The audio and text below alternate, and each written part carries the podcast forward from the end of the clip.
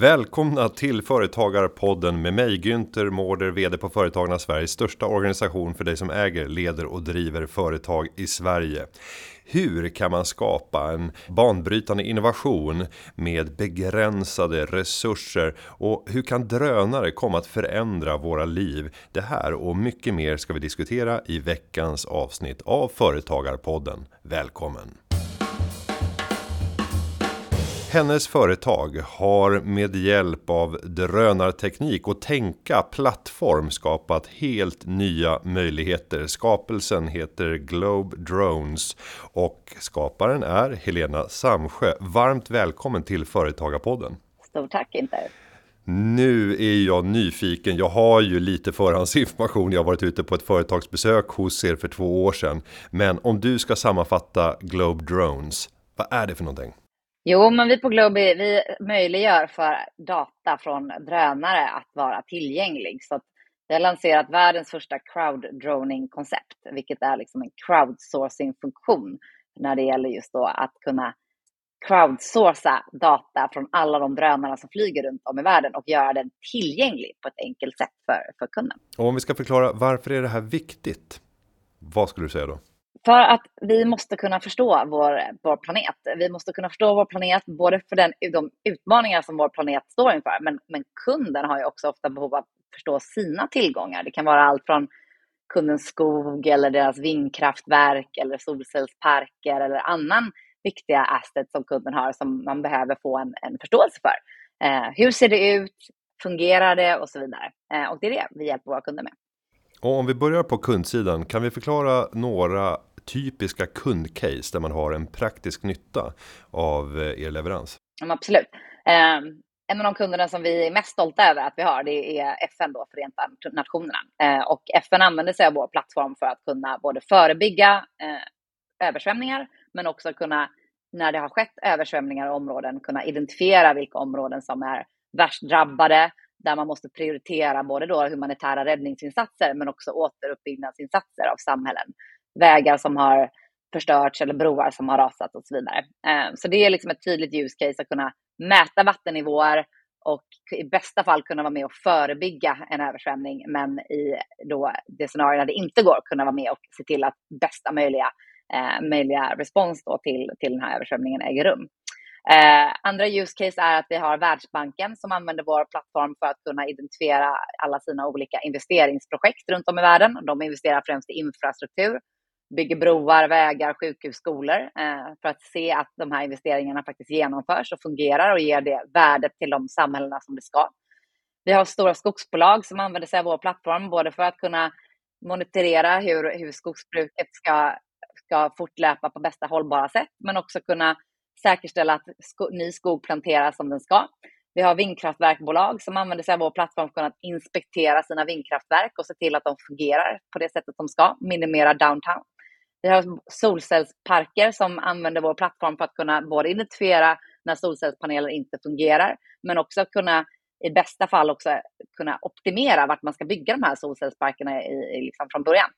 Eh, så det är många olika typer av kunder som har behov av eh, bra bilddata i realtid för att kunna ta bästa beslut för sina verksamheter. Och det är det som vi hjälper dem med genom crowdrunning. Och nu har vi fattat kunderna och sen så nämner du plattform och sen måste det finnas någonting som levereras in i plattformen och där ser jag framför mig mängder av drönarpiloter. Berätta, hur sourcar ni det som sen kan vidareförsäljas till de kunder som ni ska lösa ett problem för? Ja, men precis. Så crowdrunning är ju då liksom en crowdsourcing-modell. Så det är väl liksom den klassiska gig, gig-modellen. Att, eh, vi har då drygt 7000 drönaroperatörer i 131 länder idag som flyger uppdrag för oss. Eh, och de är inte anställda hos oss, utan de får betalt per uppdrag. Så att när en kund lägger en beställning i vår plattform så matchas den med alla de drönaroperatörer som befinner sig inom den här geografiska platsen. Och så får man som drönaroperatör då eh, tacka ja eller nej till, till uppdragen, precis som när man liksom beställa en Uber om man nu ska göra en slarvig jämförelse. Eh, och då så flygs uppdraget från kunden eh, av en eller flera drönaroperatörer och datan laddas upp i vår plattform. Kunden får datan och drönaroperatören får betalt. Och, och, hur sker det idag på leverantörssidan? Är det slagsmål om uppdragen? För jag kan tänka mig att det är många drönarpiloter som vill ha uppdrag. Hur sker själva auktionsförfarandet eller vem avgör vem, vem som kommer att få jobbet i slutändan? Mm. Nej, men vi matchar med, med liksom, närmaste tillgängliga pilot som har möjlighet att kunna genomföra uppdraget med rätt teknik och också inom rätt liksom, tidsspann som kunden önskar. Och också självklart så går vi på pris. Så att, eftersom vi har en global marknadsplats så har vi också möjlighet att kunna säkerställa att vi levererar bäst lämpade teknik på bäst lämpade plats till bästa pris till, till kunden. Så det blir liksom som, som, en, eh, som en added value för kunden att använda sig av Globi just för att vi kan vara den globala marknadsplatsen och plocka bästa operatörer till bästa pris för kunden. Och om vi nu tar ett antal steg tillbaka för det föddes en idé om att skapa ett bolag 2015 hos dig och flera personer. Ja. Eh, och det var inte så att ni badade i pengar och hade en stor entreprenöriell resa bakom och inte visste vad ni skulle göra av allting. Eh, så att den där självklara bakgrunden för att säga nu ska vi skapa någonting stort, jätteglobalt, vi ska skapa en plattform. Eh, berätta om hur, hur, hur har vägen fram varit och hur var grundandet av Globi ursprungligen? Ja, men man kan väl säga som så att det är väl ganska liksom, få stora idéer som startar, som startar gigantiskt från början. Det måste börja någonstans och så var ju även fallet för, för, för Globi. Um, ehm, så grund, grund, grundförutsättningen eller grundtanken bakom Globi, det var att um, jag jobbade då som managementkonsult men flög drönare på fritiden som hobby. Och jag insåg att det här var ett verktyg som kunde tillföra så mycket värde. Uh, och det som var problemet då 2015, det var att som kund kunde man inte på ett enkelt sätt få möjlighet att använda sig av det här värdet som drönare kan tillföra. Så den första affärsidén var faktiskt annorlunda än den vi har, den vi har idag. Eh, men sen 2020 så, så eh, fokuserar vi endast då på att samla in bilddata med drönare och att vi gör då det genom crowdowning-konceptet som vi har, som vi har nu. Men resan dit har ju varit liksom som de flesta andra. Det har ju varit den liksom klassiska rollercoastern. Man har åkt upp och man har åkt ner och sen åkt ner igen och sen har det gått uppåt väldigt snabbt och sen ner igen och så har vi gjort pivot och ändrat liksom affärsmodellen och vi har fått bygga om i vår plattform, lansera, lansera på nytt och så vidare. Så det har verkligen varit den liksom klassiska trial and error. Vad är det marknaden behöver och vad är det som den här tekniken kan till, tillföra. Eh, så det har varit en eh, jättelärorik resa som har varit allt annat än, än, än spikrak, men också helt fantastiskt att vi idag nu på riktigt kan göra skillnad runt om i världen med, med våra drönare. Eh, hjälpa kunder att få den informationen de behöver, men att genom att vi gör det också hjälpa samhällen att kunna liksom stå emot naturkatastrofer och kunna liksom vara med om att ställa om till en hållbar utveckling från att kanske inte lika många icke miljödrivna fordon är ute och samlar in data som flygplan och helikoptrar, utan att vi nu gör det här på batteridrivet sätt och så vidare. Så det är liksom en fantastisk transformation och movement som vi har byggt på de här åren som är liksom mycket större än liksom endast ett företag. Eh, så det gör ju liksom de här dalarna i, och, i liksom själva berg och dalbaneresan, de blir ju så, så värda när man sen liksom når, når, når toppen. Och om vi ska gå in i dig som person och förstå drivkrafter och inställning till risk versus trygghet. Om man arbetar som managementkonsult eh, har sannolikt här, en ganska stark etablering på arbetsmarknaden, ganska fina utsikter för framtiden. Att i det läget tacka nej till den enkla och självklara vägen som finns för att kasta sig in i ett entreprenörskap kan du gå tillbaka till den Helena vi skulle möta 2014-2015 när, när de här tankarna grodde? Och vad var det som gjorde att du vågade ta steget?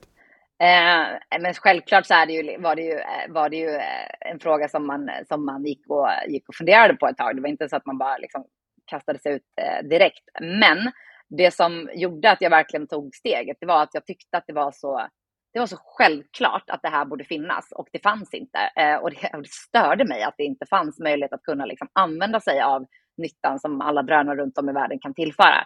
Eh, och det blev liksom en så stor drivkraft att vi går miste om någonting som kan vara riktigt bra och som kan göra riktigt stor skillnad. Eh, och eh, jag måste testa och se ifall, ifall det går att göra någonting åt det. Eh, så det var liksom väldigt eh, det blev, det blev ändå väldigt självklart att att nu måste jag testa det här. Eh, och sen så gav jag mig själv ett år eh, och jag hade en fantastisk chef som sa att mitt jobb fanns kvar om jag inte skulle lyckas. Eh, och ett år hann nästan gå eh, och jag gav liksom nästan upp. Men två veckor från att jag hade satt mitt mål på det här året så började första kunderna trilla in och liksom de första första liksom, use casen eh, blev av. Eh, och feedbacken från dem var fantastisk. Eh, så då, då var det bara att fortsätta. Eh, och sen har det ju varit en, som jag sa här innan, en, en verkligen en berg och dalbaneresa, men en resa som jag aldrig någonsin skulle vilja vara utan. Eh, så valet var inte helt lätt att ta, men när valet väl var gjort så blev det väldigt självklart. Det finns ju många andra som kanske befinner sig i den situation som du gjorde då. Vad skulle du ge för råd till den här personen som har en rätt trygg yrkesmässig vardag eh, och samtidigt är fylld av entreprenörskap och man känner att jag vill förverkliga någonting och har en bra idé och har kunskaperna för att göra det. Men inte riktigt modet att ta risken. Vilka saker bör man göra för att få modet att våga kasta sig in i det okända? Ja, nej men det underlättar om man har liksom i sitt nätverk, om man har den tilltänkta kunden i sitt nätverk, för då kan man ju liksom innan man drar igång kan man ju liksom testa idén på den liksom potentiella kunden. Eh, får man då liksom feedback att ah, men det, här, det här verkar kul men det är inget vi skulle betala för eller det här, det här är inte liksom värdefullt versus om man får feedbacken att men det här är ju helt fantastiskt, det här skulle jag definitivt betala för och jag skulle kunna tänka mig att betala så här mycket och så Eh, så väldigt så här, testa i ditt nätverk, eh, det, det skulle jag absolut säga. Får du liksom positiv feedback på, på det du tänker göra, då skulle jag säga som nästa steg att så här, kolla med din arbetsgivare. Kan du ta tjänstledigt och du kanske inte behöver säga upp dig. Eh, kan du ta tjänstledigt så är det liksom en extra trygghet självklart. Eh, och annars tänk igenom så här, hur länge skulle du kunna liksom klara dig utan en fast inkomst? Eh, handlar liksom, vad, vad är tidsspannet? Och sen se till att du maxar det tidsspannet för att kunna liksom få så mycket som möjligt ut av att kunna validera då ifall, ifall din idé skulle kunna eh, fungera som ett företag. Så det är väl några konkreta tips jag skulle säga. Och sen är det ju alltid så där när man sitter med facit i handen att man är efterklok och vet vad man borde ha gjort. Men om du hade fått gå ja. tillbaka som eh, Helena 2023 får gå tillbaka till 2015 och ge några råd. Eh, typiskt där onödig uppgift eller onödig tanke att tänka för det går liksom inte. Men, men vilka råd skulle du ha gett till dig själv i det läget? Med de kunskaperna du besitter idag? Mm. Ja, men jag tycker, jag tycker att frågan är superintressant och självklart har man ju liksom tänkt den tanken själv och det, liksom det lätta svaret blir ofta så här, ja, men jag skulle gå rakt på och gjort det vi gör idag direkt. eh, jag skulle inte liksom testat andra typer av affärsmodeller, jag skulle inte ha testat, testat massa så här.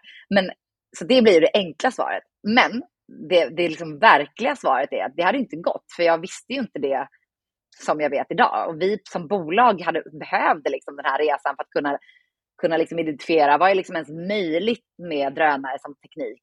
När vi startade 2015 så fanns det ju inte drönare över hela världen som, som det gör nu. Så den affärsmodellen som vi har nu, att kunna liksom outsourca och tappa in till drönare som redan finns i 100, över 130 länder idag, det fanns ju inte 2015.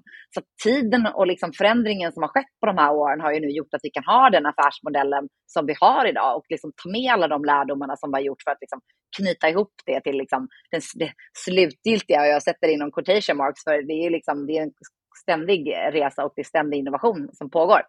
Men så att jag tror liksom så att man vill gärna ställa sig den frågan, så här, men vad hade jag gjort annorlunda? Och då liksom blir gärna det lätta svaret, så här, men jag hade gjort som vi gör nu direkt. Det hade inte behövt ta flera år, utan jag hade startat med det här direkt. Men, men resan behövs ofta. Eh, det är klart att man alltid kan hitta liksom vissa bitar, så här, men där hade, den där liksom kunden hade vi inte satsat på eller det där, den där liksom utvecklingen hade vi inte gjort i vår plattform. Så här, man kan alltid liksom hitta liksom detaljer här och där.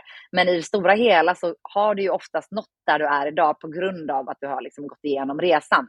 Eh, så det kanske mer tråkiga svaret är ju att det kanske inte att det väldigt sällan finns genväg.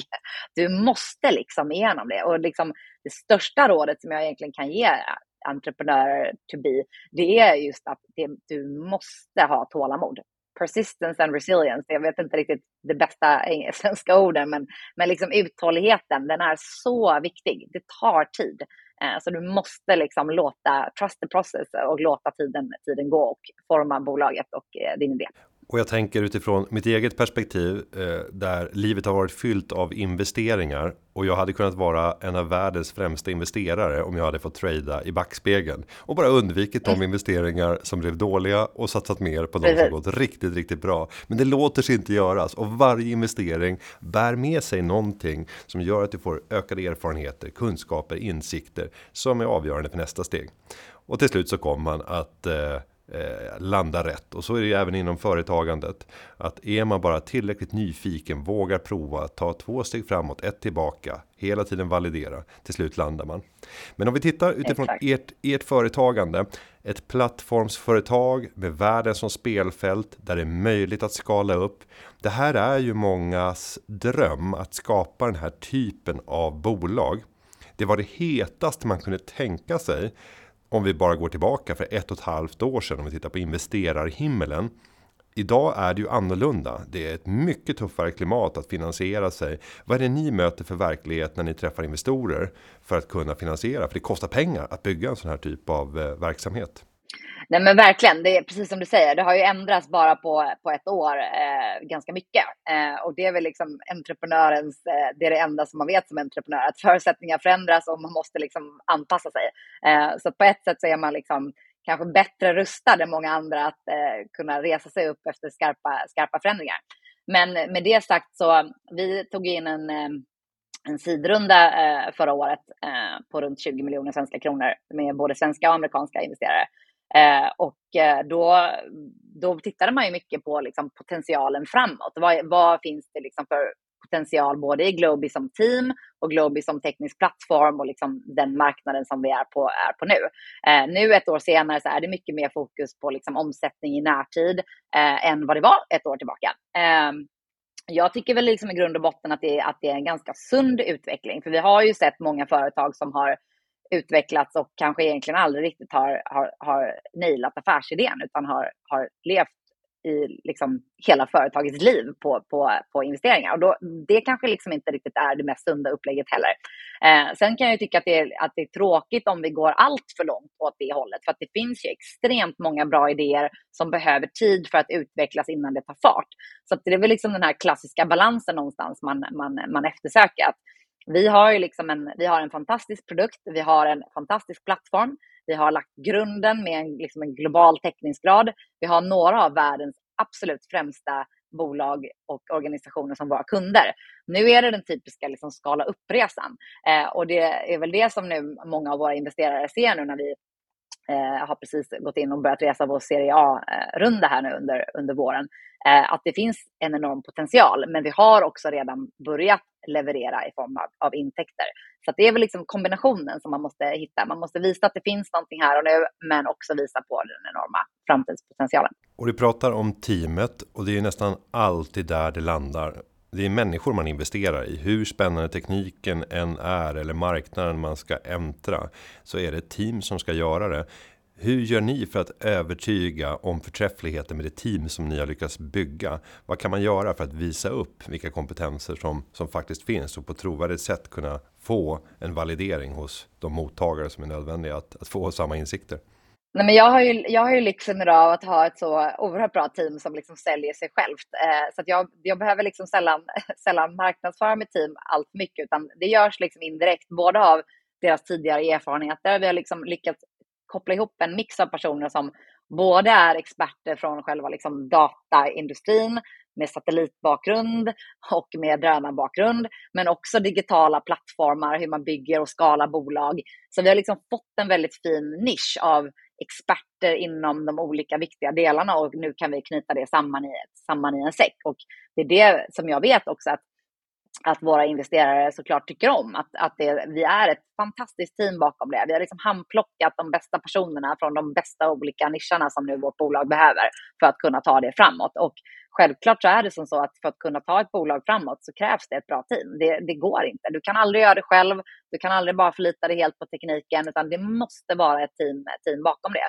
Eh, och jag ser ju liksom en väldigt stor förändring hos Globi nu när vi de senaste, bara liksom senaste två åren har kunnat börja rekrytera eh, betydligt fler personer eh, till teamet. Att vi också verkligen på riktigt nu eh, är, är, är liksom, vi är best, best in the game så att säga.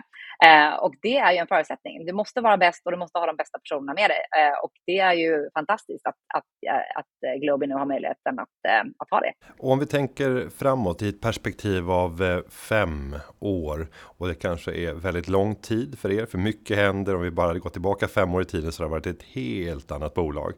Men någonstans så måste man ta sikte på någon typ av konstant i framtiden för att veta vad man ska göra idag. Sen kan det komma att ändras. Men hur ser den där målbilden och flaggan om fem år ut om vi skulle fråga dig nu? Ja, alltså visionen med Globi, eh, den, den har alltid liksom varit densamma från början och det är just att vi ska med hjälp av drönare vara med och skapa en bättre framtid. Eh, och det är ju mitt mål om fem år och det är mitt mål idag och det var mitt mål för fem år sedan. Eh, sen kan man ju göra det på väldigt många olika sätt. Eh, så tittar vi, tittar vi framåt om fem år så är ju min, mitt mål och min vision om att Globi och data från drönare, det ska göra så stor positiv skillnad i vår värld som möjligt. Om det sen betyder att det är Globi som har vuxit och blivit ännu större, eh, eller om vi har blivit uppköpta av en väldigt stor global annan typ av dataplattform, eh, eller om vi har gått mot börsen, det får liksom tiden, tiden utvisa. Eh, så att målet kommer hela tiden vara att göra liksom största möjliga skillnad eh, med hjälp av data från, från drönare. Eh, och hur vi sen kommer göra det, det, får, det kommer tiden att få, få utvisa. Om vi tittar på användningsområdet för det som ni kan tillhandahålla, det vill säga att era leverantörer, drönarpiloterna kan leverera skarpa bilder i riktiga miljöer i realtid om så skulle behövas. Så kan man ju tänka sig att det finns ett annat område som just nu tyvärr är högaktuellt. Det är ju ett pågående krig i Europa och där drönare och självkörande typer av flygande fordon spelar en avgörande roll för tillfället. Att sälja bilder för att påverka utgången i ett krig. Finns det några överväganden som ni måste göra i ett sånt läge? När man vill vara en global och öppen plattform där alla ska kunna beställa vad de vill. Hur resonerar ni kring möjligheter och omöjligheter att göra vissa typer av affärer? Det är en jätteviktig fråga och det är en fråga som vi hela tiden har med oss. Och man kan väl säga som så här att Globi står, det är en förkortning för Global Health och allt som vi gör ska liksom ha en positiv påverkan. Eh, så vi jobbar inte inom militär användning. Vi tackar nej till alla den typen av uppdrag. Eh, men det man ska ha med sig är ju att drönare är ju en militär teknik från början. Så skillnaden liksom om, man, om man tittar på, på drönare som vi jobbar med, om man tittar på andra tekniker, datorer eller bilar eller vanliga flygplan, det är ju oftast att datorn, bilen och flygplanet, det tillverkades inte i syfte att liksom ha en militärsk användning eller ha liksom någon form av negativ användningsområde. Men vi ser ju att bilar, flygplan och datorer, det används ju i negativ syften också. Så drönarna har liksom kommit från andra hållet. Att det första primära syftet med drönarna, det var att användas inom militär och sen så utvecklas alla andra användningsområden. Så generellt kan man ju säga så här att all teknik som har möjlighet att göra skillnad på riktigt, på skala, kommer kunna göra både någonting bra och någonting dåligt. Det är liksom, så är det alltid. Utan det, och det blir liksom upp till oss entreprenörer, användare och samhälle att säkerställa att vi kan liksom få ut så bra och positiv användning som, av tekniken som, som möjligt. Och vi på Globi har då valt att göra det så att vi inte jobbar i vissa länder, vi jobbar inte med vissa typer av kunder och vi använder, är inte då aktiva i vissa typer av användningsområden. Eh, så vi har tagit en väldigt liksom, tydlig eh, avstamp från att inte vara en del av den typen av eh, användningsområden. Hur svårt är det att göra den typen av överväganden? För man blir ju någon typ av, eh, av polis eller ja, snarare domare som dömer vad som är rätt eller fel när det gäller användning av bilder. Det är en svår roll att inta. Eh, alltså den är väl både svår och sol, eh, solklar samtidigt. Eh, det är liksom, vi är ett väldigt, vi är ett väldigt liksom impactdrivet bolag. Alla som jobbar på Globi vill vara med och liksom se till att vi gör världen lite bättre genom det vi gör. Så att är man väldigt liksom visionsdriven så är ju valet väldigt lätt, eh, lätt att ta. Eh, sen är det klart som så att verkligheten är inte alltid, alltid svart eller vit. Det finns ju många gråzoner och där kan det ju ibland, ibland vara svårt. Men då förlitar vi oss också mycket på att vi är ju en global plattform och många av de kunderna som vi jobbar med, de är ju välkända liksom, globala aktörer. Och i fallet med, liksom, som du nämner här, Ukraina till exempel, så var det väldigt tydligt att våra kunder då, som var FN i det här fallet, de valde att inte använda sig av drönare i Ukraina just med tanke på att det finns det, den, den, den, den, de negativa användningsområdena också. Och då blir ju vårt val indirekt lättare för att om inte vår kund ska använda sig av vår teknik, då ska ju inte vi heller göra det. Vi, vi är ju bara på plats om, om vår kund behöver oss, så att säga. Så att det finns ju liksom lite olika sätt att kunna, kunna säkerställa detta genom. Mm. Många gånger så ser man som entreprenör och företagare många fler användningsområden för det man själv tillhandahåller än vad kunderna har upptäckt. Om du skulle fresta kring några områden där ni ser att här kan den teknik som vi erbjuder via vår plattform och drönare kunna tillföra stora värden, men där kunderna inte riktigt har förstått den. Var finns de spännande segmenten? Nej, men så är det ju alltid. Och jag menar, det har ju hänt väldigt mycket bara på de här, på de här åren. Eh, så kunderna idag kommer ju med en helt annan typ av förfrågningar än, än, än, vad man gjorde bara för några år sedan. Man har förstått vad man kan göra med den här tekniken. Eh, så att de första åren var det ju väldigt mycket utbildningssyfte. Det är det här ni kan göra. Det är det här värdet som, som liksom en, en karta från en drönare kan, kan innebära. Eh, om du flyger med den här kameran så kan du få de här insikterna. Flyger du med den här sensorn så kan du få det. Så det har ju varit en, liksom en, en, en lärande resa bakåt. Eh, och även om det inte kanske är lika mycket framåt så kommer det ju alltid finnas nya möjligheter eh, att, eh, att anpassa till. Även om grundförståelsen nu finns. Och en, en, en solklar sån är ju givetvis att eh, det finns möjlighet att sätta luftsensorer på drönare små luftsensorer så att du kan ju liksom kartlägga egentligen luftkvaliteten över alla världens städer genom, genom drönare och genom, genom vår plattform. Eh, och det är inte någonting som vi liksom säljer, säljer idag som en produkt. Men i hand med att liksom teknikutvecklingen går framåt, tekniken sprider sig globalt och vår plattform då kan liksom tappa in till det, så är det ju liksom till exempel givet nästa, nästa steg. Eh, vi är ju uppkopplade mot 7000 drygt 7000 personer och deras equipment, eh, deras utrustning. Så att självklart så är det jätteintressant att vi kan beställa olika typer av data och olika typer av, av information då såklart från, den, från vår crowd med sina drönare. Och tänker man vidare kring drönare så är det ju uppenbart enkelt att tänka att det går att helt förprogrammera för regelbundet återkomna ompositioneringar av drönare utan att människor är inblandade. Och, och, där är jag nyfiken på hur många drönare är av den arten idag. Att det är bara för ett förprogrammerat makro eller vad, vad vi ska kalla det.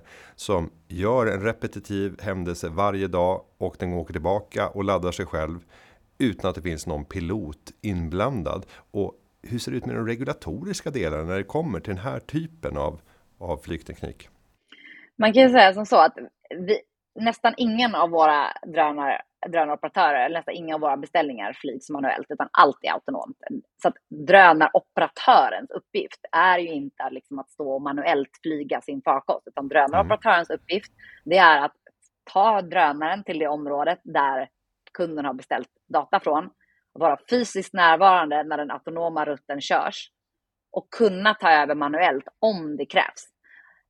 Det är liksom operatörens eh, uppgift. Så att även idag de eh, drönare, drönare som, som säljs som helt autonoma och som säljs som att eh, liksom drone in a box solutions så krävs det att det finns en fysisk person närvarande som kan avbryta om något går fel. Eh, och det är det här som kanske inte allmänheten liksom helt förstår, utan det är fortfarande så, så att den fysiska personen krävs från dels en lagstiftning aspekt med det regulatoriska som du var inne på, men också för att vi är väldigt långt ifrån en framtid där det sitter liksom en, en drönare i varje lyktstolpe över hela världen som man bara kan trycka på och skicka ut. Utan det är just att kunna säkerställa att drönarna finns i de områden där kunden behöver data, som crowden är viktig, och att det finns en fysisk person som kan ta över en flygning om någonting går fel i den autonoma rutten. Väldigt likt om man vi ser att när vi liksom går på ett vanligt flygplan så sitter det ju faktiskt en pilot där. Men att han eller hon flyger hela vägen från Stockholm till New York utan att göra det på autorutt, det sker ju aldrig. Så att det är liksom, eller samma sak med liksom självkörande bilar, det sitter liksom fortfarande en person där. Så det är väldigt likt liksom på, på, på drönarsidan ur den aspekten. Och jag tänker att de regulatoriska delarna borde skilja sig dramatiskt åt mellan de olika länder ni verkar i. 131 olika länder, 131 olika lagstiftningar. Eh, vad skulle du önska i ett eh, regulatoriskt perspektiv och som varandes ett globalt bolag? Vad hade du velat se? Nej, men självklart vill man ju se en global lagstiftning. Alltså för, för flyg idag har vi ju en, samma globala lagstiftning. Det hade ju varit underlättat ifall alla länder hade samma. Men vi går faktiskt mot det. Så bara förra året så lanserade ju EU gemensamt regelverk så att alla EU-länder går igenom samma. USA lanserade året innan gemensamt för hela, hela alla deras 52 stater. Eh, vilket ju är nu någonting som resterande länder tar efter. Man tar efter antingen den lagstiftningen som är i USA eller den i EU. Så att vi har liksom inte idag så många skillnader mellan länderna. Men det finns fortfarande ett antal skillnader och självklart så hade det ju varit önskvärt att det inte fanns några skillnader. Att det gick att liksom standardisera eh, även, även mer. Eh, men vi går ändå mot en mer standardiserad global utveckling på, på, på den fronten. Och sen måste vi beröra konkurrensfrågan. Inom alla fält som är spännande så brukar det ju dyka upp en rad olika aktörer som tävlar om att eh, erbjuda den bästa lösningen. Vad möter ni för konkurrens ute i världen? Ja, och det är ju superspännande. Ehm, konkurrens är liksom en förutsättning för att det ska finnas en, en, en, marknad och vi ser ju nu att bara de senaste två, tre åren här så har det börjat liksom dyka upp konkurrenter. Ehm, och det man kan säga från vår del så är väl det som skiljer oss då att vi fortfarande är den globala plattformen. De flesta av våra konkurrenter täcker kanske ett eller några länder eh, med sin lösning. Eh, så vi, vi håller liksom den globala profilen eh, högst. Och, eh, finns då idag 131 länder eh, och vår närmsta konkurrent finns, finns i drygt 80. Så vi ligger liksom 50 länder 50 länder före. Men sen är det mycket liksom i vår plattform som, som gör att vi liksom ligger hela tiden steget före. Vi har nu funnits i ett antal år.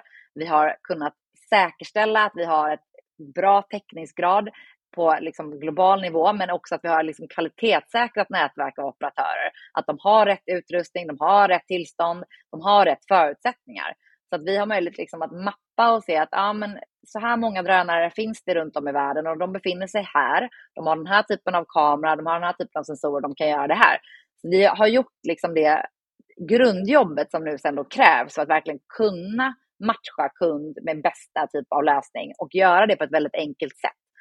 Så kunden som använder vår plattform idag behöver liksom aldrig tänka på att det är en drönare ute och flyger någonstans i världen, utan det är liksom lika självklart att få de här bilderna från den här datan som att man beställer något annat online.